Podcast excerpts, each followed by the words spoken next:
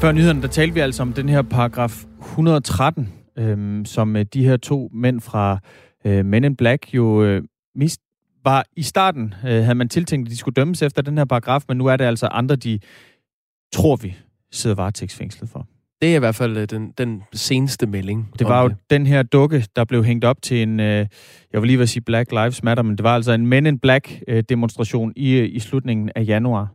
Øhm, nu, vi skal tale lidt om en anden paragraf. Det er nemlig, øh, øh, fordi at der er, to, øh, der er to borgere, som er blevet dømt efter en paragraf, der udløser dobbeltstraf mm. ved coronarelaterede forbrydelser.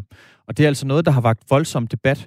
Øh, og jeg har altså også fundet øh, noget lyd fra et øh, doorstep i går, eller sådan et lille improviseret pressemøde, som Mette Frederiksen holdt, hvor journalister, øh, det var blandt andet, øh, fra, det er blandt andet Henrik Fortrup øh, fra, fra BT. Politisk redaktør. Præcis. Øh, de forsøger at få svar på, hvorfor coronarelaterede forbrydelser skal give dobbeltstraf. Jeg prøver lige at spille noget af det her. Der kører en del sager ved domstolen i øjeblikket, øh, hvor folk får en dobbeltstraf alene fordi det er øh, øh, coronarelateret. Kan du ikke forklare, hvorfor er det, at en forbrydelse skal straffes dobbelt så hårdt, bare fordi den er coronarelateret? Konkrete sager ved øh, domstolen, dem udtaler jeg mig selvfølgelig ikke om. Nej, men principielt, hvorfor? Jamen, jeg, du, du starter dit spørgsmål med at referere til verserende sager, og derfor kommer jeg ikke til at udtale mig om dem. Hvorfor har regeringen besluttet, at coronarelaterede forbrydelser skal straffes dobbelt så hårdt? Jeg kommer ikke til at gå ind i det. Du, du starter dit spørgsmål med at referere til verserende sager, derfor har jeg ikke yderligere tilføjet. Ja, det fjerner vi så, ja, så spørger jeg principielt. Jo, men du startede dit spørgsmål ved at referere til verserende sager. Det er jo verserende sager, du spørger til, og derfor har jeg ikke nogen kommentar. Fortsæt. Jamen, så vil jeg gerne følge op på Nikolaj Rytgaards spørgsmål. Øhm, du har, i lighed med mange andre politikere, stemt for i tillæg til straffeloven paragraf 81d, øh, der muliggør dobbelt straf, hvis man begår forbrydelser, der er corona-relateret. Hvorfor skal man have dobbelt så meget straf for at gøre noget strafbart ved en coronademonstration, som man skal ved en klimademonstration? Altså hvis I ønsker principielle kommentarer fra regeringen i forhold til den lovgivning, der er, så kan justitsministeren svare på det. Selvfølgelig spørger I i relation til verserende sager, øh, og det, det har jeg stor respekt for. Jeg kommer bare ikke til at udtale mig om det. Jeg spørger det. i relation til en lov, som du har stemt for som folketingsmedlem. Hvorfor skal det taxeres med det dobbelte i forhold til, hvad den vil blive taxeret til ved alle andre. Jeg vil gerne henvise til justitsministeren for yderligere spørgsmål og svar på det her. Så er der altså flere øh, eksperter, øh, der i dag siger, at vi er ude på en alvorlig glidebane her. Hvad tænker du, når du hører den slags eksempler? Jeg har ikke nogen kommentar til de her verserende sager. Så, tak. Okay, tak. Må jeg lige spørge dig om én ting? Du har henvist til øh, justitsministeren flere gange. Jo, men du henviser til justitsministeren øh, gentagende gange. Vil du sikre, at han så også er til rådighed for interview i dag? Det var der altså ikke nogen kommentar til fra Mette Frederiksen. Jeg kan afsløre, at øh, justitsminister Nick Hækkerup altså ikke gav et øh, interview i går, fordi han ikke kommenterer baserende sager. Det her, det var altså blandt andet Henrik Fortrup øh, og øh, Svær Kvist, fra TV2, der forsøgte at få svar på, hvorfor coronarelaterede forbrydelser de skal øh, straffes dobbelt så hårdt, og det var lyd fra, fra Ritzau, Scanpix og Ekstrabladet. Ja, det var et studie i, hvordan man øh, kan undgå at svare på spørgsmål. De seneste dage er altså to borgere blevet dømt efter en paragraf, som udløser den her dobbeltstraf, øh, fordi det er coronarelateret. Og øh, det er en øh, debat, der pågår, og som vi øh, skal blive lidt klogere på øh, sammen med dig, Sten Schaumburg Møller. Godmorgen. Ja, godmorgen juraprofessor ved Juridisk Institut på Syddansk Universitet. Det er altså den her særlige paragraf i øh, straffeloven, paragraf 81d, der giver mulighed for dobbeltstraf, øh, som er blevet anvendt i, i de to konkrete sager. Og paragrafen kan bruges, hvis lovovertrædelsen har øh, baggrund eller er i sammenhæng med covid-19-epidemien. Lad os lige starte øh, sådan helt øh, øh, nede på grundniveauet. Hvad er formålet med den her paragraf? Øh, altså jeg vil tro, at formålet er, øh, i, at da man vedtog den, og det gjorde man jo der, øh, altså for cirka et år siden, jeg kan ikke lige præcis huske hvornår, men hvor man siger, okay, der så altså ud til at være nogen, der hamstrede, hvad hedder det, og stjæl værnemidler fra steder, hvor, hvor de skulle være, og alle sådan nogle ting. Så sagde man, hey, vi må sætte ind mod det her, og så laver man en hastelovgivning, hvor man siger, det straffer vi altså dobbelt. Ja, og, det, og lad, det, lad mig lige det, her sige, ja. det, det, jeg sidder nemlig med, med afstemningsnummeret fra den gang, det er fra den 2. april 2020. Okay. Så det er præcis ja. et år siden. Ja, ja. Fortsæt den. Og, det, og, og, og det kan man sige, altså har to ting, der gør sig gældende, som, som man kan sige, altså, at det kan være meget fornuftigt. For det første var der tale om på det tidspunkt, vi vidste jo ikke rigtig, hvad det var for en situation, vi var i. Der skulle sættes hurtigt ind, man laver en hastelovgivning, og på de områder, altså der med at stjæle værnemidler, og det andet med at snyde med, med coronastøtte og sådan noget, det var jo meget fornuftigt. Altså det, det må jeg sige, det, det synes jeg er udmærket. Der, hvor, hvor jeg er kritisk, øh, er, og, øh, at man også får nogle andre bestemmelser med ind. Altså der er i paragraf 81 det en lang reference til, hvad det er for nogle bestemmelser, man kan, kan straffes dobbelt for, så at sige. Ikke? Og så kommer der sådan nogle andre med, også med, med og jeg ikke huske dem alle sammen udenad, men det er altså sådan noget med, øh, øh, øh hvad hedder det, vold mod tjenestemænd i funktion, sådan nogle ting, øh, som selvfølgelig skal straffes. Men skal det straffes dobbelt, ja, så, bliver, så får vi jo sådan nogle situationer, hvor det kommer i spil, for eksempel i forbindelse med demonstrationer. Det er det ene kritikpunkt, fordi øh, det virker ikke særlig velbegrundet. Og det andet kritikpunkt er, at nu er det jo ikke en hastelovgivning mere, nu er det et år siden. Så nu skulle man måske have tænkt sig, øh, øh, tænkt sig lidt bedre om, har vi brug for dem her? Det er et problem, det der med hele tiden, og det, det er jo ikke første gang, at Folketinget gør det, og lægge, lægge sådan en dobbelt straf. De har der også lagt tre dobbelt straf og fem dobbelt straf til redaktører, sådan her inden for de sidste par år. Jeg synes, det er en, en problematisk måde øh, at, at lovgive på. De to konkrete sager øh, går sådan her. Den ene, den tager udgangspunkt i, øh, i en dom, der faldt den 12. marts. Øh, Københavns Byret dømte en 30-årig kvinde øh, til to års ubetinget fængsel for at opfordre og medvirke til angreb på politiet under en øh, Men in Black demonstration den 9. januar mod covid-19-restriktioner. Lad os lige tage den, øh, Sten Schaumburg Møller. Ja. Hvis, øh, hvis ja. den øh, demonstration havde handlet om... Øh, at øh, der skulle sættes hårdere ind øh, over for klimaforandringerne, for eksempel. Hvis det var en klimademonstration, ja. og ja. en øh, kvinde havde råbt, øh, lad os smadre byen på en ikke-voldelig måde, hvordan havde dommen så faldet ud, tror du?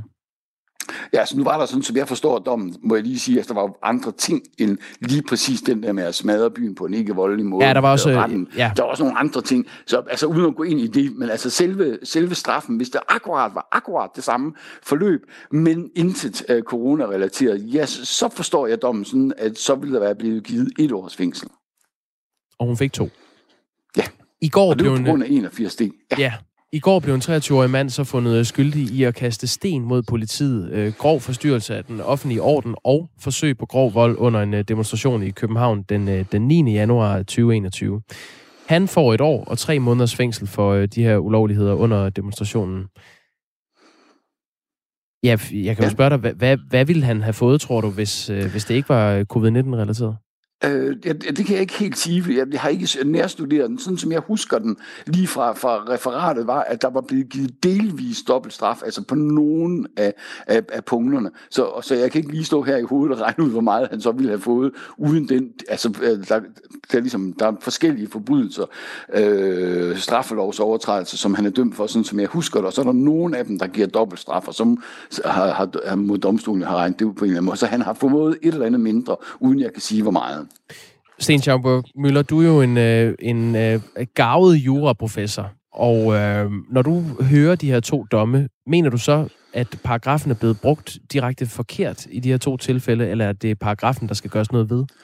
Øh, jeg, jeg vil sige, jeg mener sådan set ikke, at paragrafen er brugt forkert. Altså, jeg, jeg synes, at det ser ud til, at domstolen i de her tilfælde øh, har brugt den paragraf. Der er en mulighed for at give dobbeltstraf i nogle tilfælde, og det har man gjort. Altså, på den måde øh, ser det for mig ud til, at domstolen lojalt tager efterlevet, altså sådan som vores domstol normalt gør, øh, når lojalt efterlever de, som, som der bliver vedtaget af, af den lovgivende magt. Og så synes jeg så dermed, at man, som jeg også var inde på i begyndelsen, at man kan kritisere den her øh, måde at lovgive på, altså det med, øh, øh, har noget, vi ikke kan lide, hey, vi giver lige dobbeltstraf, har forresten også noget, vi ikke kan lide, vi giver lige dobbelt straf, har noget, vi slet ikke kan lide, vi giver tre dobbeltstraf. Og de enkelte tilfælde kan måske være fornuftige nok, men samlet er det også lidt noget skidt, hvad er det for et straffesystem, vi får, hvad er det for et retssystem, vi får. Så jeg synes, at bestemmelsen er problematisk, og, og, og så er der det der med, at det bliver vedtaget som hastelovgivning, og det synes jeg, det holder jo ikke længere, det er et år siden, nu kan man jo ikke ligesom få det ind under det, at vi er i en, i en særlig hastig situation, og man ikke kan nå at få tænkt sig om i Folketinget. Torben Rasmussen, som er forsvar for den øh, 23-årige mand, som jeg øh, fortalte om før, altså, som blev dømt i går. Øhm, Torben Rasmussen mener ikke, at paragrafen bliver brugt efter hensigten. Han sagde i går, øh, nu citerer jeg, min pointe er, at lovgiver kriminaliserer holdningerne, og ikke selve gerningen, når man gør brug af paragraf 81d. Hvis den eneste forskel er, hvad man mener, så mener jeg, det er grundlovsstridigt. Citat slut. Øh, mener du, at det er grundlovsstridigt? Nej, jeg mener nok ikke, det er grundlovsstridigt, men, men han har selvfølgelig en pointe, som kan være meget svær i de situationer. Øh, altså, jeg, jeg synes ikke, hvis man kaster sten mod politiet, eller sådan, men, altså, hvor man for eksempel siger, lad os smadre byen på en ikke voldelig måde. Og sådan. Altså, der, der får vi jo, det er jo et svært spørgsmål. Hvad er det her, ja, er det strafbart? Ja, det kan det godt være opfordret til ting, øh, man ikke må gøre, men det er jo også ytringer, så vi er under ytringsfrihedsbeskyttelsen, som vi både har i grundloven og den europæiske menneskeretskonvention. Og det er jo til tider svært, hvordan man skal lægge snittet. Øh, og øh, efter, min klare vurdering, så skal man selvfølgelig tage hensyn til, øh, til ytringsfrihed, og herunder altså også tage hensyn til, at ja, vi har ret til at demonstrere, vi har ret til at, at, at, at, at mene, at de her restriktioner går for vidt. Det har man jo lov til at mene. Vi lever jo i et demokrati, hvor netop man har lov til at have forskellige meninger. Men der skal selvfølgelig ikke øh, hvad hedder det, begås vold under en demonstration, og, og så kan der blive nogle problemer med, puh, hvornår er noget så egentlig opfordringer til det, og hvornår er det ikke, og sådan. Men, så, ja, så jeg forstår godt synspunktet, ja. Ja, når, når forsvaren, altså Torben Rasmussen der, han giver udtryk for, at, at han mener, at øh, lovgiverne kriminaliserer holdningerne og ikke selve gerningen, så er det vel egentlig ikke noget øh, nyt. Altså der findes også øh, øh, bestemmelser for øh, hadforbrydelser for eksempel, hvor man begår vold, men der er en, en intention, øh, hvor der ligger noget mere i det, og så giver det en, en anden straf. Altså, det er, rigtigt. er, det, ja. er det ikke bare ja. et, et princip, vi opererer med? Jo, og, og, det, det vil jeg sige, det, altså, Mm, jeg er også lidt skeptisk øh, og netop over for det, fordi hvis man, øh, altså hvis øh, A, altså hvis vi har en person A, der banker person B, øh, så er det strafbart, og det, det må man ikke. Øh, og, sådan. og så kan man jo diskutere, om det skal være mere strafbart, hvis A banker B, fordi B er et eller andet, tilhører en eller anden region, eller har en bestemt farve, eller sådan. Øh, det, det, jeg, jeg er ikke overbevist om, at det er et rigtigt princip. Det må jeg sige. Tak skal du have, Sten Schaumburg-Müller. Velkommen. Velbekomme. Tak. Juraprofessor ved øh, Juridisk Institut på øh, Syddansk Universitet. Og der, der er flere, der også risikerer snart at skulle stå til regnskab efter den her paragraf øh, 81d. Københavns politi oplyser til Berlingske, at tre mænd fortsat er varetægtsfængslet og sigtet i den her sag om en dukke, som ved en demonstration den 23. januar i år blev hængt op i en lygtepæl på Julius Thomsens plads på Frederiksberg i København og brændt. Dukken forestillede altså statsminister Mette Frederiksen og havde et skilt om halsen med ordene, hun må og skal aflives. Og det var den øh, sag, vi omtalte lige før nyhederne, hvor vi var inde på øh, den 29-årige øh, oceanske kvinde, Vivian Anita, øh, Anita Alexandro, som blev anholdt, fordi hun har delt et billede af den brændende dukke med statsministerens øh, ansigt på. Det er en vild tid, vi lever i. Klokken er 18 minutter over syv.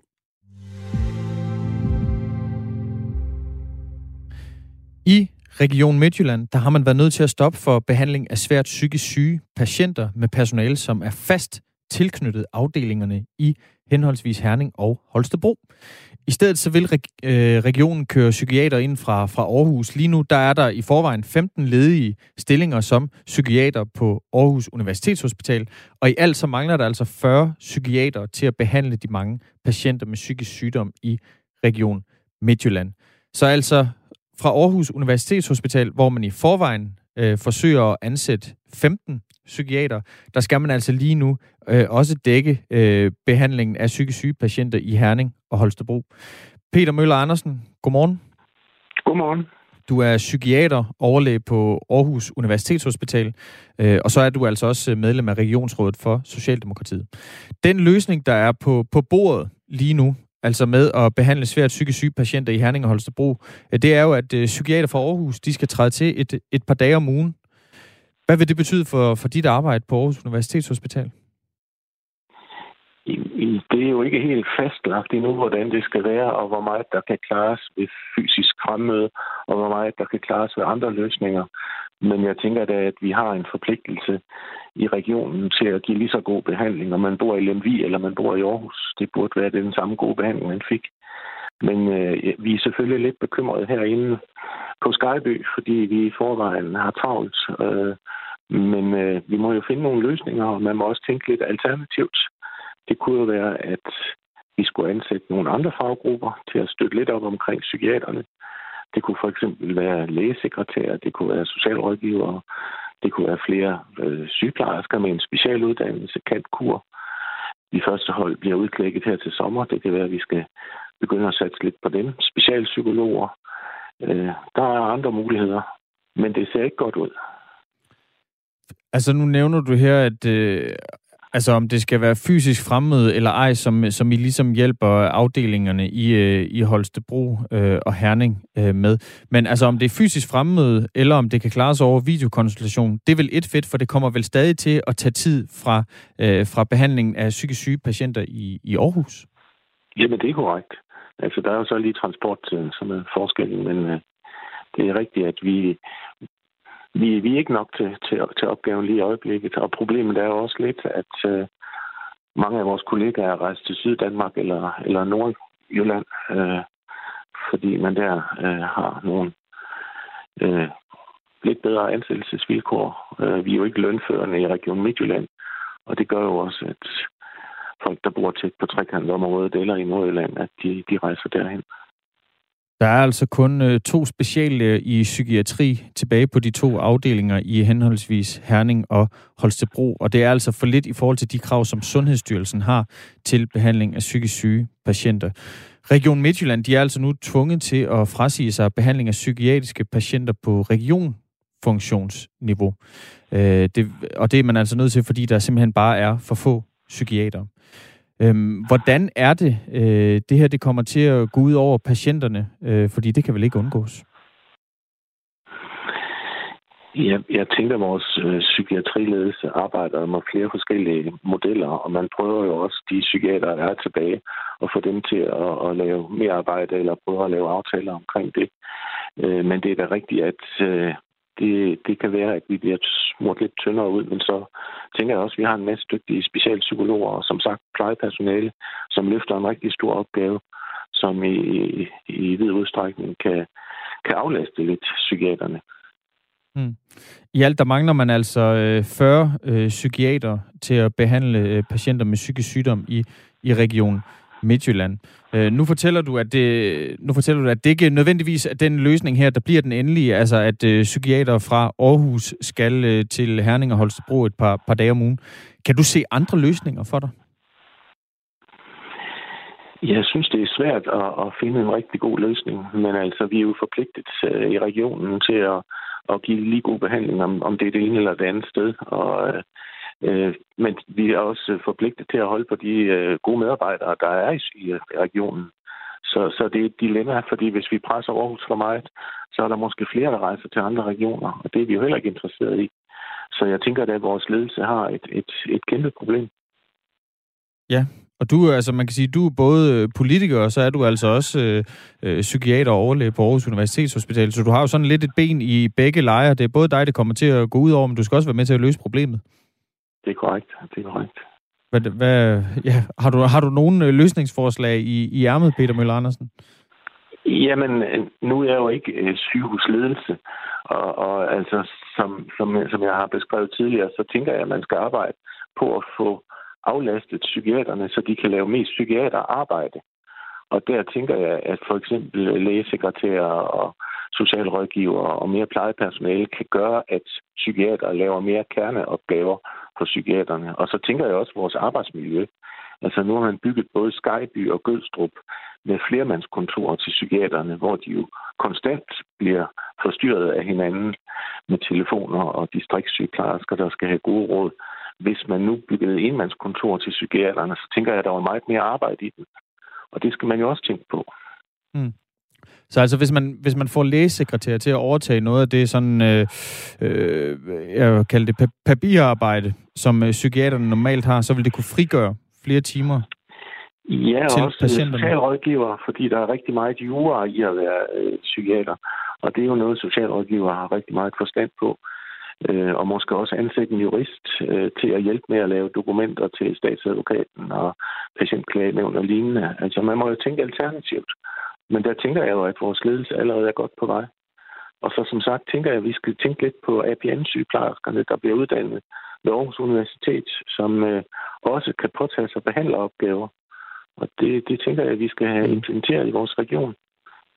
Så kan man... vi mangler uh, cirka 15 uh, år, hvor vi ikke kunne rekruttere psykiater, så, så uh, de, uh, de 15 år mangler nu, hvor, hvor der er mange af mine kollegaer, der når en alder, hvor de skal pensioneres. Øh, så, så selvom der kommer nye ud, øh, så, så mangler vi de 15 år.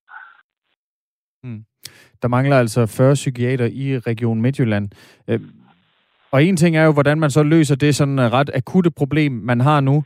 Men øh, hvordan dævlerne er det nået dertil, at der lige pludselig mangler, mangler 40 psykiater i Region Midtjylland? Altså, psykiatrien har jo ikke været noget attraktivt speciale i mange år, så derfor har vi haft svært ved at, at rekruttere, øh, og man, man har prøvet forskellige strategier. Man har prøvet med specialisering, så vi har subspecialiseret og øh, andre tilgange, men øh, øh, jeg tænker, at den bedste måde at rekruttere nye læger på, det er jo også, der er glade for specialet. De ser, at vi trives i specialet. Og, og så har vi jo nogle, nogle andre måder at arbejde på, end man har i somatikken for, for eksempel. Vi er jo meget mere teamarbejdende omkring den enkelte patient, og vi tænker jo nok også lidt mere familie ind i, i behandling, og vi har overgange til kommune og til distriktspsykiatri. Som, så, så derfor tænker jeg, at, at vi må prøve at sælge vores speciale bedre.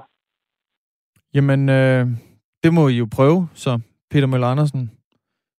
Tak fordi du var med. Ja, velkommen. Ja, altså psykiater og overlæge på Aarhus Universitetshospital og medlem af Regionsrådet for Socialdemokratiet. Klokken er øh, 27 minutter over syv på denne onsdag morgen.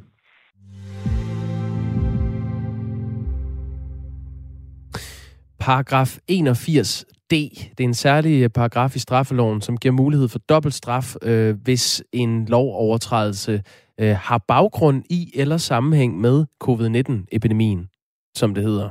Og øh, der er altså faldet øh, to domme, øh, som, hvor øh, personer er blevet dømt ud for den her paragraf. Og øh, det beskæftigede vi os med med Sten Schamburg Møller, som er juraprofessor øh, lidt tidligere på morgenen. Vi får nogle sms'er på den, blandt andet fra Daniel. Godmorgen. Mette, øh, Mette Frederiksen, er der en sølle person. Hun trækker i trådene, men vil ikke udtale sig om, hvad hun har bedt dem om at gøre. Tænk, at så mange finder hende så fantastisk. Hun har lavet så mange hastelovgivninger. Alle har mere eller mindre været spækket med fejl. Med venlig hilsen, Daniel. Ina fra Valby skriver, Godmorgen. At få fængsel i to år for at sige, at man vil smadre byen på en ikke-voldelig måde, er det fint med mig. Men når nogen kører et barn på fem år ihjel, som det skete her i Valby på Peter Bangsvej, og som jeg var vidne til, så undrer det mig, at ens barns liv højst er fire års fængsel. Skriver altså Ina fra, fra Valby med hen, henvisning til det øh, trafikdrab, der skete af et, af et barn på Peter Bangsvej i, i København. Øh, en flugtbilist. Fuldstændig forfærdelig tragedie. Øh, forfærdelig sag. Øhm, vi kan da sige, Ina, at øh, der den 23. februar blev vedtaget en, øh, en ny lov, som gør, giver markant hårdere straffe til vanvidsbilister. Øh, det var en, en ny lov, som var blevet øh, øh, behandlet og vedtaget i Folketinget den 23. februar.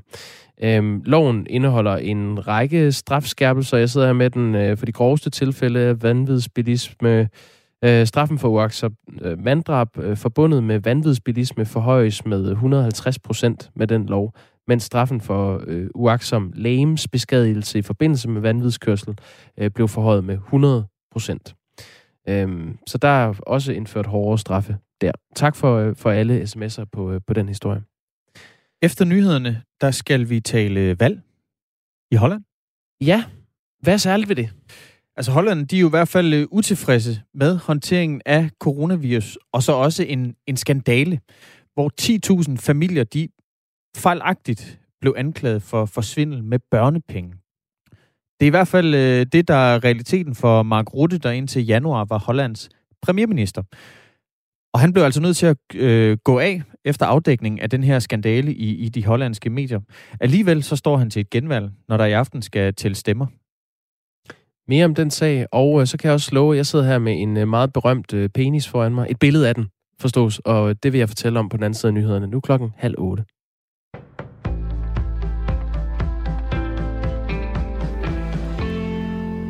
De mange coronadødsfald blandt plejehjemsbeboere skal nu undersøges.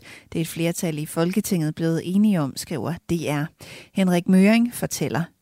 Under epidemien har regeringen haft som mål at holde smitten ude fra plejehjem for at beskytte beboerne mod et alvorligt forløb med coronavirus. Det er ikke lykkedes. 923 plejehjemsbeboere er ifølge Statens Serum Institut døde af eller med coronavirus. Det svarer til 39 procent af alle danske covid-19-dødsfald. Samtidig har 400 ud af landets godt 900 plejehjem haft mindst et tilfælde af coronavirus. Det er en af grundene til, at en ny undersøgelse nu skal se på, hvordan myndighederne har taklet coronaepidemien i ældreplejen. Flertallet består af Socialdemokratiet, Enhedslisten, SF, Radikale og løsgængeren Susanne Simmer. Initiativet til undersøgelsen kommer efter, at flere medier har afdækket myndighedernes problemer med at beskytte landets plejehjemsbeboere mod coronavirus. Formålet med den nye undersøgelse er ifølge partierne at sikre, at styrelser, regioner og kommuner bliver bedre rustet til at håndtere udbrud af smitsomme infektionssygdomme i ældreplejen fremover.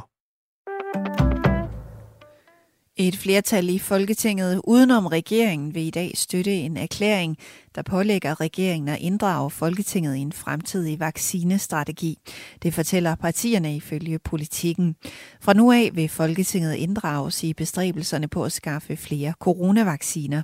Så lyder det en erklæring fra Venstre, de konservative, Dansk Folkeparti, Enhedslisten og de radikale. Enhedslistens gruppeformand Peter Velblund siger, det her det er jo med et vink med en vognstang til regeringen om, at det her det er en uacceptabel fremfærd. Øh, og det er også derfor, at, øh, at regeringen med, med vedtagelsen skal indkalde til forhandlinger omkring en øh, fremtidig vaccinestrategi, fordi det er uacceptabelt, at regeringen bare enrådigt begynder at træffe beslutninger om den slags helt centrale og afgørende fremtidige strategier.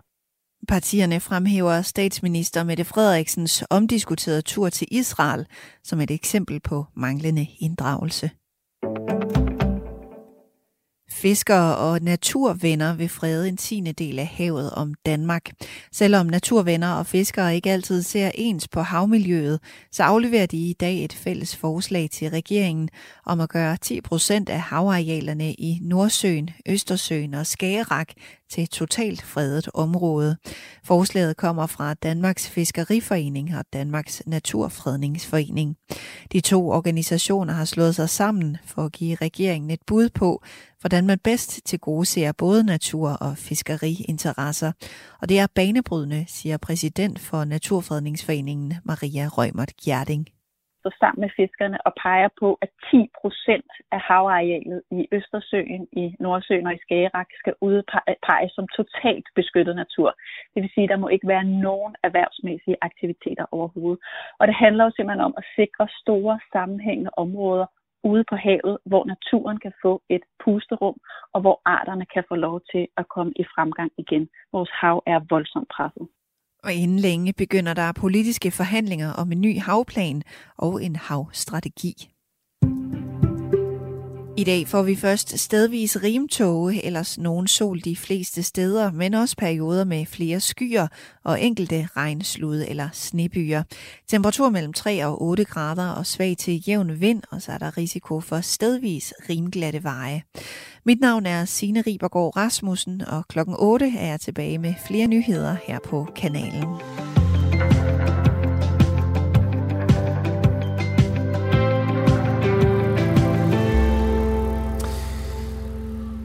Christian Magnus Damsgaard Jensen, Jakob Grusen, Dan Danel, øh, hvis alt skal med. Øh, vi er på plads her i Radio 4 Morgenstudiet. Tak fordi du øh, lytter til det her program, hvor vi lige om lidt øh, skal til Holland og øh, beskæftige os med en, øh, en meget interessant sag der.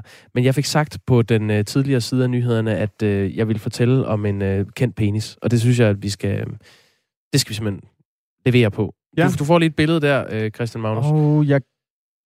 Det er ikke en, der vækker genklang. Nej, det er, øh, det er Jokons penis, altså rapperen Jokeren. Mm. Ja. Øh, han har malet sin penis 100 gange, og nu øh, udstiller han øh, de her værker i Hellerup. Så hvis man skulle sidde med et øh, uforløst ønske om at se Jokons penis, måske har du aldrig fået set den, så kan du øh, google det. Øh, det er, jeg ved ikke om, kan vi svinge os op og kalde det en form for Warhol? Der er i hvert fald, øh, det er øh, peniser, tegnet i erigeret tilstand i forskellige pangfarver. Øh, der er ikke sparet på detaljerne. Det er... Der, der mangler jo vedhæng, hæfter jeg mig ved. Øh, det må du uddybe. Der mangler vedhæng. Testikler? Ja. Ja.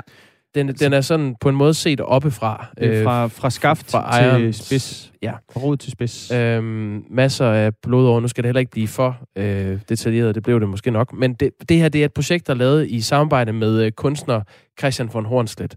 Og projektet hedder Last Man Standing.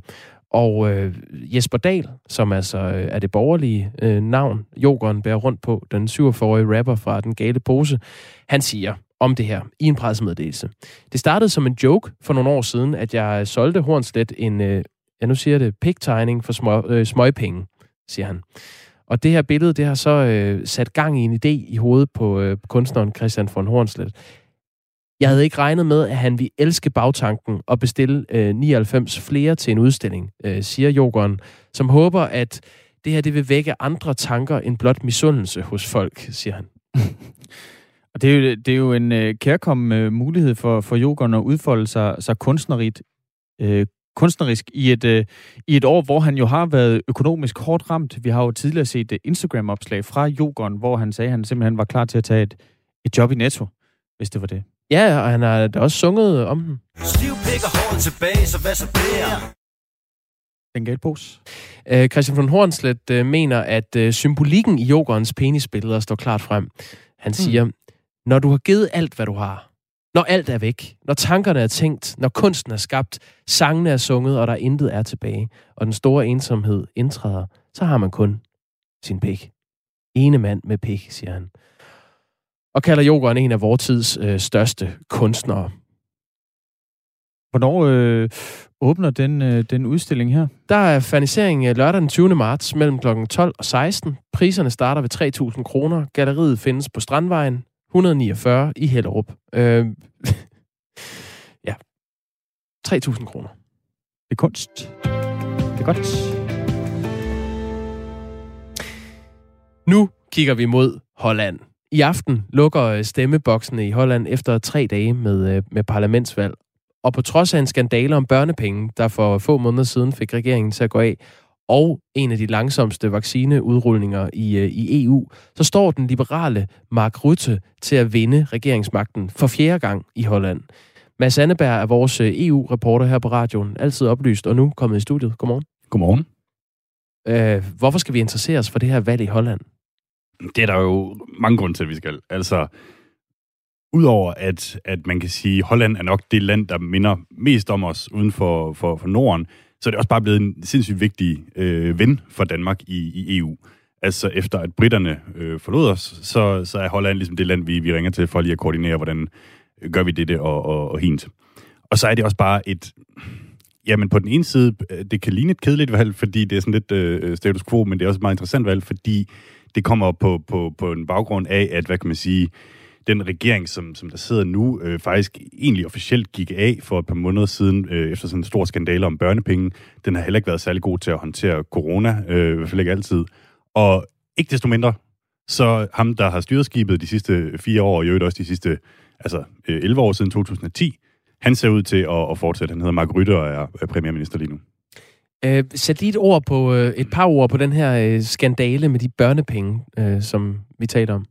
Ja, absolut. Altså, det, det handler om, at hvad kan man sige, 26.000 børnefamilier i Holland, øh, sådan fra, fra en, en periode fra 2013 til 2019, blev fejlagtigt beskyldt for at have snydt med, med børnepenge, og mange af dem blev tvunget til også at betale de her penge tilbage, øh, hvilket jo altså simpelthen ruinerede nogle øh, familier, og, og der var bare, altså, det var totalt nådesløst. Og i øvrigt så havde det også en, hvad kan man sige, etnisk slagside. Det var mange mennesker med minoritetsbaggrund, dobbelt statsborgerskab, som ligesom blev, blev ramt, og, og, og som, som man specifikt gik efter. Og det er en kæmpe skandale, og det er udmundet i sådan en stor øh, rapport, som kritiserede stort set alle involverede, og der var flere, der var nødt til at gå af. Også flere ministre, men bare ikke den store kaptajn, altså øh, Mark Rytte. Han sagde, ja, der er blevet begået fejl.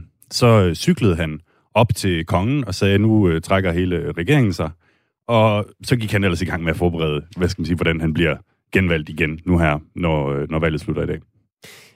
Der er øh, 37 opstillede partier 13 af de øh, 17 millioner borgere i Holland har øh, stemmeret, og Mark Rytte er altså formand for VVD, som er den øh, hollandske pendant til partiet Venstre.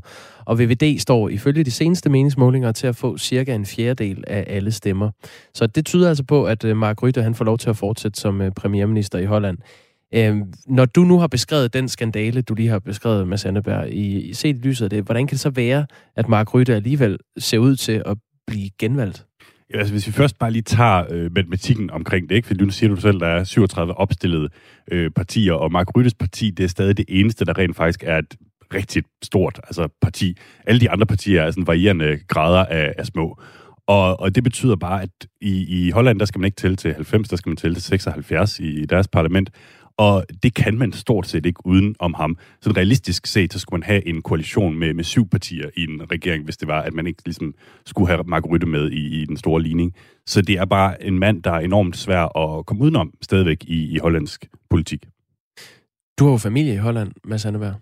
Det har jeg den grad. Svigerfamilie. Øh, hvad, hvad snakker man om i Holland i forbindelse med det her valg? Jamen, det, ja, det er spøjst ikke, fordi man kan sige, hvis der var valg i Danmark nu, så vil det nok blive øh, kæmpe, et kæmpe coronavalg.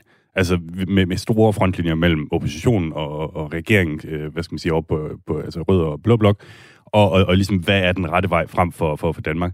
Og i Holland, der er det mere sådan, okay, jamen, altså corona, det er de stort set lidt som enige om. Det, det gør vi sådan cirka på, på, på den her måde, så handler det egentlig ikke rigtig så meget om det. Og så kan det være, at de hollandske vælgere går mere op i boligpolitik eller, eller et eller andet. Det, det virker næsten som om, de sådan kigger frem mod tiden efter corona. Øh, jeg talte lige med min svigerfar i går, som er, øh, hvad kan man sige, som, som fyldte øh, 60, og som ikke helt havde besluttet sig for, hvem han skulle stemme på, fordi der er det her kludetæppe af forskellige partier øh, at, at vælge imellem. Og det var sådan nogle, du ved, jamen, altså, hvordan kan han lige stemme taktisk og få sine sådan, øh, konservative værdier i, igennem her og sådan noget. Ikke? Der var ikke så meget med, med corona, på trods af, at det er et land, som er, altså, deres vaccineudrulling for eksempel har været helt til hest. Og det er så, mens vi øh, her i Danmark øh, stort set kun diskuterer øh, corona, når vi diskuterer politik. Foruden den her skandale, som du er inde på med børnepengene, så er regeringen også blevet beskyldt for øh, ineffektivitet og inkompetence i øh, forbindelse med håndteringen af covid-19 i Holland.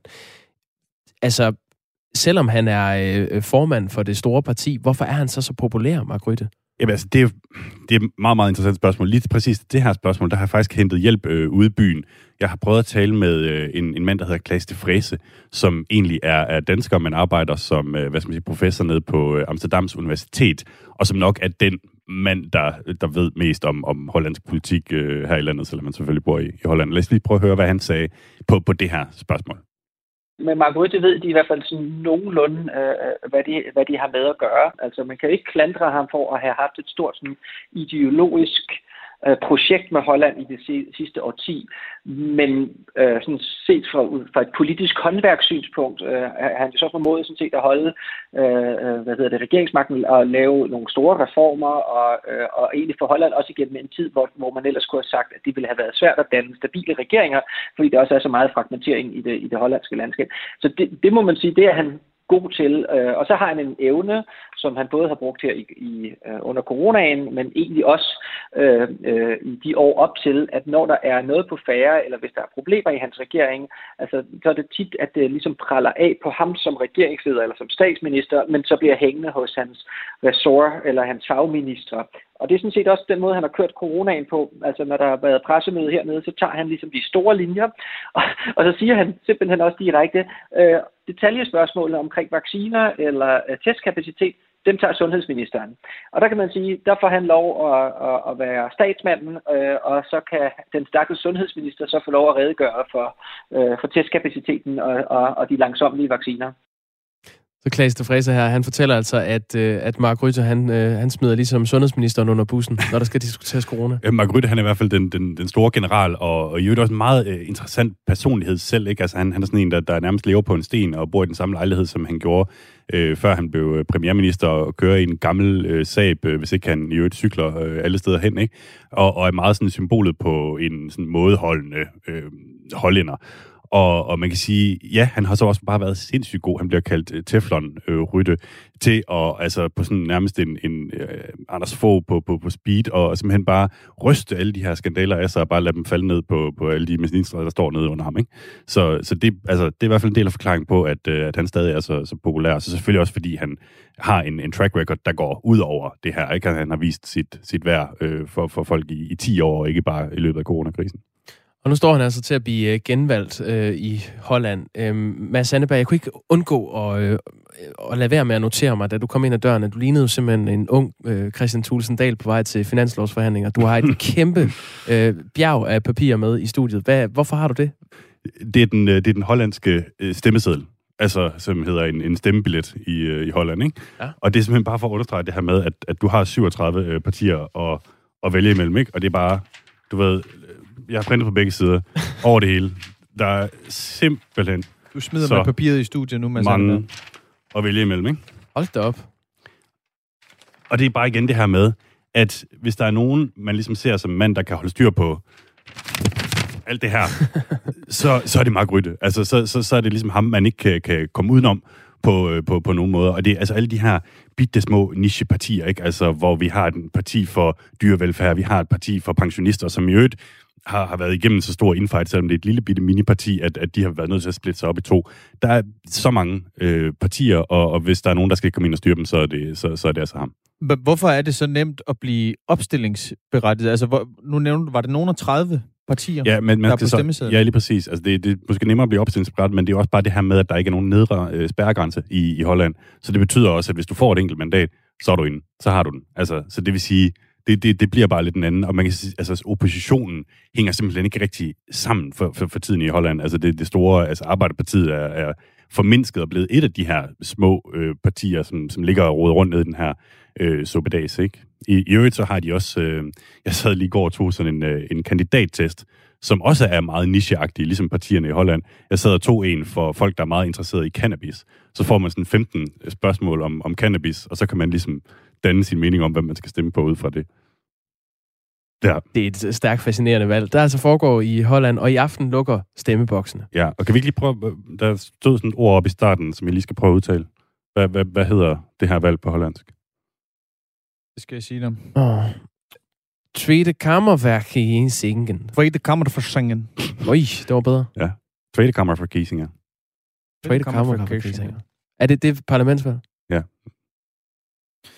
Man skulle have været hollænder. Eller, skulle man. eller også skulle man ikke. Øh, klokken er 13 minutter. Tak fordi du kom, Mads Anneberg. Ja, selv tak For da. søndag. Øh, EU-reporter øh, her på kanalen.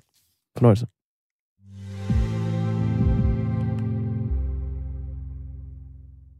Vi har fået øh, flere sms'er på en øh, debat, som vi tager om øh, cirka et kvarters tid. Der er en øh, sms her fra Helle, som har skrevet ind på 1424. Hun har startet sin besked med R4. Hun skriver, heldigvis er vores mænd, langt de fleste, utrolig søde og gentlemen. Men det er mænd, der overfalder. Heldigvis kun et meget lille mindretal. Men slemt for alle, der skaber frygt, især i kvinders helt almindelige liv. Hvad er der i vejen med denne grusomme mand? Er han ulykkelig? Har han haft en ukærlig, voldelig barndom? Og hvorfor er det langt mest manden, der overfalder? Hvad kan vi gøre for at afhjælpe dette problem? Vigtigt, at emnet tages op i lyset, skriver altså Helle ind på 1424. Og det er jo et spørgsmål, øh, vi kan stille videre, øh, blandt andet øh, til øh, de to retsordfører, som vi har med øh, lige efter nyhederne klokken 8. Det er altså Preben Bang Henriksen fra Venstre og Rosa Lund fra Enhedslisten. Vagn, øh, vores lytter, skrev øh, ind tidligere, at øh, man kunne give alle øh, unge piger en peberspray. Øh, han skrev, politiet er jo i gang med at indsamle dem, folk har. Til det skriver vores lytter Josefine fra Aarhus, giv alle unge kvinder en peberspray. Øget gadebelysning. Puha. Der er til synlædende virkelig lav tiltro til, at der kan skabes forandring i forhold til mænds måder at behandle kvinder på. Det kan vi gøre bedre. Vi kan forvente mere af mænd, men det handler om en kulturændring. Der skal sættes ind over for de adfærdsmønstre, vi allerede socialiserer små børn ind i tidligt i livet. Tænk bare på den måde, vi lærer kvinder at finde sig i, øh, at mænd overskrider deres grænser, når vi lærer små piger, at det er ok, når drengene driller dem. De gør bare det, øh, de, de gør det bare, fordi de godt kan lide dem. Det er ikke godt nok. Vi kan kun skabe forandringer på det her område ved at få øje på sådanne mønstre, der i socialiseringen blåstempler adfærd, som overskrider grænser. Skriver altså Josefine fra, fra Aarhus. Og det er klokken 7 minutter over 8, at vi har øh, de to retsordfører fra, øh, fra henholdsvis Venstre og Enhedslisten med til den her debat, der altså udspringer af et, øh, et drab begået i, i Storbritannien i, i begyndelsen af marts, øh, og som altså har fået kvinder over hele verden til at dele historier for, hvad de gør for at føle sig trygge, når de går hjem alene i mørket, det er blandt andet at knuge nøglerne i hånden, altså hvor man simpelthen knytter næverne, og så har en nøgle stikkende ud mellem, øh, mellem øh, lange og ringefinger, sådan så man kan yde skade på den person, der potentielt måtte overfalde en. Det kan også være at tale i telefon med en kæreste eller en forælder, når man går på gaden. Den øh, britiske regering meddelte i går i øvrigt, at øh, den vil afsætte 25 millioner pund, det svarer til øh, sådan i omegnen af 217 millioner danske kroner, til øh, øget belysning og overvågning af, af gaderne, for at skabe øh, mere trygge rammer øh, for at være til på. Øhm, det her, det er altså en øh, historie, som øh, fyldte en del i går. Den fylder altså også øh, lidt her i programmet i dag. Skriv ind på 1424, start beskeden med R4, hvis du har et indspark til de to politikere fra henholdsvis Enhedslisten og Venstre, som vi skal ombord i øh, på den anden side af nyhederne. Nu klokken 9 minutter i 8. Knap nok er 10 kæmpe sommerhus færdigbygget, før de skal rives ned igen. Det har et øh, politisk flertal i Guldborgsund Kommune besluttet, selvom der altså blev givet byggetilladelse til de her 10 sommerhus sidste år. John Brader, borgmester i Guldborgsund Kommune. Godmorgen. Godmorgen. Hvordan dævlen kunne det gå så vidt? ja, det spørger vi også os selv om. Altså, der er to forskellige vurderinger fra kommunens jurister og fra planklagenævnets øh, jurister, og det er sådan set det, der er hele misæren. Vi har ud fra lokalplan og de faktiske forhold, altså at området ikke fungerer som færdecenter, og i øvrigt ikke har gjort det siden 2008, vurderet, øh, det er vores forvaltning og jurister vurderer, at det her det er øh, fuldt åbenholdt i forhold til at give den byggetilladelse, der er givet. Og planklagenævnet har så en anden holdning. Og øh, planklagenævnet er på det her, og derfor så giver de os så øh, to muligheder for at rette ind. Øh, den ene, det er at lave en øh, ny lokalplan, som passer til området. Den anden, det er at rive husene ned. Og øh, vi har selvfølgelig så fået øh, Horten til at vurdere, øh, og, og Horten er helt klar på, at det er ud fra øh, proportionalitetsprincippet, man skal man skal lovliggøre det her, øh, altså den øh, af de to muligheder, der er mindst øh, indgribende, og der øh, synes vi gået på sundhedssten er den mindst indgribende, det er øh, at lave en ny lokalplan. Okay, så det, det er ikke endeligt besluttet, at de her 10 sommerhus, de skal rives ned? Nej, det er det ikke. Den skal videre til økonomiudvalget og, og, og byrådet. Det var jo ikke en, en enig forvaltning, der i sin tid gav den her byggetilladelse. Der var en del af forvaltningen, som altså advarede mod at give den her byggetilladelse, fordi den var i strid med loven. Var det, det et, øh, var det et, øh, en del af forvaltningen, man skulle have lyttet til i sin tid? Ja, men det er jo som regel sådan, at, øh, at, at hvis der er forskellige holdninger til det i en forvaltning, så får man prøve det af ved, ved juristerne, og det var så det, vi gjorde, øh, og det vi henholdt, øh, eller forvaltningen henholdt os til. Øh, og så var det den, øh, ud fra det øh, juridiske dokument, var det så øh, den øh, beslutningssag, der blev lagt frem i forhold til, at det var øh, lov med hold i. Og, og som politikere, så sidder vi jo og, og, og selvfølgelig øh, tror på det, der kommer fra forvaltningen. Og forvaltningen har jo ikke handlet i ond tro. De har faktisk handlet i, øh, i god tro. Og så kommer spørgsmålet jo så, jamen, øh, skulle de sommerhus så ligge der, eller skulle de ikke ligge der? Og jævnført den tolkning af lokalplanen, som forvaltningen og juristerne havde gjort, der vurderer man, at lokalplanen øh, var helt okay i forhold til corona det her.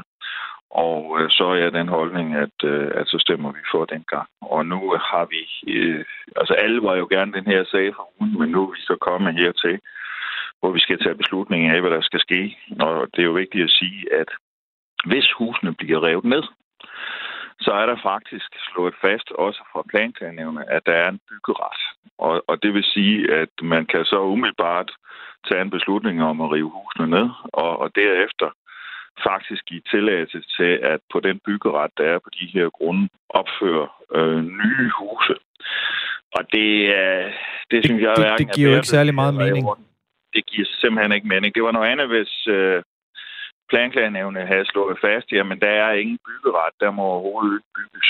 Der er oven i her bygges øh, under byggeprocenten, således at de huse, der så måtte komme op efterfølgende, øh, de vil være endnu mere massive, altså flere kvadratmeter end dem. Ja, hele misæren er, at nogen mener, at de her huse er for store i forhold til, hvad der må ligge i det, som nogen siger er et færecenter, altså planklagenævne. Øh, og det er ikke et færecenter, siden øh, Dansk Folkeparti, øh, som ejer det, gik konkurs i 2008, har det ikke fungeret som færecenter, men som et almindeligt sommerhus. Dit forslag, John Breyer, det er altså at revidere lokalplanen, i stedet for at rive de her sommerhus ned. Jeg sidder også lige og læser en artikel på DR, hvor jeg kan se, at naboerne, de er rigtig glade for at øh, have vundet den her lille sejr i, i planklagenævnet, som altså muliggør, at de her 10 sommerhus, de skal rives ned. Hvad, altså, at ændre en lokalplan, det, er vel, det kan vel også komme til at få rigtig stor, stor betydning for det område her, altså Marie Lyst. Hvis det var sådan, at der var bygget et treetagers hus, som kunne kigge ind i alle øh, nabohavene, hvis man havde taget øh, øh, udsigten fra andre huse, så de ikke kunne kigge ud over vandet.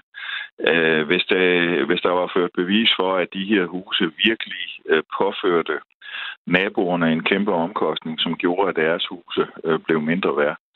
Alle de her tre ting, øh, de er ikke tilfælde. Øh, og så er der jo mange, der siger, jamen, hvad med borgernes retssikkerhed? Skal man ikke kunne regne med, når en lokalplan, der nu øh, er lavet, øh, at man så også som kommune agerer efter den? Og der er det bare ja. vigtigt at sige, at vi har ageret i god tro i forhold til, hvordan den øh, lokalplan er, og hvordan de faktiske øh, forhold er. Og man kan vel sige, at, at retssikkerheden øh, kan vel ikke føles krænket, når man så først river husene ned og umiddelbart efter så øh, giver en bygtilladelse til at bygge øh, flere kvadratmeter og en anden type øh, hus op. Det, det, det er simpelthen ikke øh, samfundsmæssigt øh, forsvarligt. Det, det synes jeg helt ærligt. Der er ikke nogen, der er kommet til skade øh, på det her projekt, øh, og derfor så, så skal de huse ikke rives ned, hvis I spørger mig de mennesker, som har bygget de huse her, som jo nu måske må, øh, er nødsaget til at, øh, at skulle rive dem ned igen, er det en øh, regning, de selv skal afholde? Ja, men altså man... Det skal man selv hvis betale for? Ja, men hvis Gud, Gud forbyde det, skulle komme dertil, men det må vi jo se, om man må til, det skal behandles på byrådsmødet, at, øh, at beslutningen står ved magt, øh, så træder retssystemet jo formentlig i kraft, fordi så vil man jo prøve det her Altså, som jeg tolker afgørelsen for planklagenævnet, så har man jo mulighed for at prøve den igen, og det tænker jeg, det vil, det vil bygherre formentlig øh, gøre, og, og derefter så bliver det vel så en, øh, altså retsinstanserne, som skal afgøre det, hvem, øh, hvem der skal betale regningen i sidste ende. Under alle omstændigheder, så er det jo rigtig, rigtig trist for en virksomhed med 55 ansatte, hvor de fleste bor i Guldborgsund. Det er rigtig, rigtig trist. Mm. Hvad er næste skridt i den øh, sommerhussaga her? Ja, altså nu, indtil nu har, jo, øh, har, har man jo fokuseret meget på, på alt det negative ved at bygge de her huse. Og øh, Øh, der er jo rigtig mange positive sider. Dels hvis man er i tvivl om, de passer ind i området, som jeg sagde, så skulle man tage, tage en tur til Marienløst og kigge, øh, fordi de passer rigtig fint øh, ind i området. Og er faktisk indrettet øh, placeringsmæssigt i, i et godt samspil med Grundejerforeningen og Ejerforeningen dernede.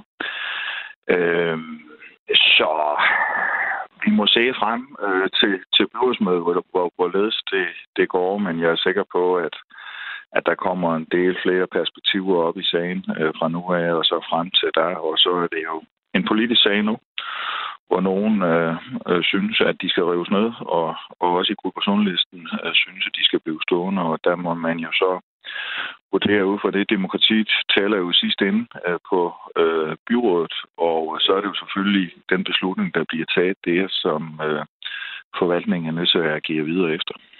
John Breder fra Guldborg Sundlisten, tak fordi du var med. Selv tak. Altså borgmester i... Ja, lige måde du. Altså borgmester i Guldborgsund Kommune, øh, hvor der lige nu øh, står 10 kæmpe sommerhus, poolsommerhus, som, øh, som er blevet bygget øh, ulovligt. Og nu skal man så finde ud af, om man vil lovliggøre det på, på bagkant, eller om øh, de skal rives ned og starte forfra. På den anden side af nyhederne, som indfinder sig om øh, 10 sekunder, der skal vi ombord i diskussionen om, øh, hvad skal der gøres for, at kvinder kan føle sig mere trygge, når man øh, bevæger sig hjem fra byen. Nu klokken 8. Du lytter til Radio 4 morgen.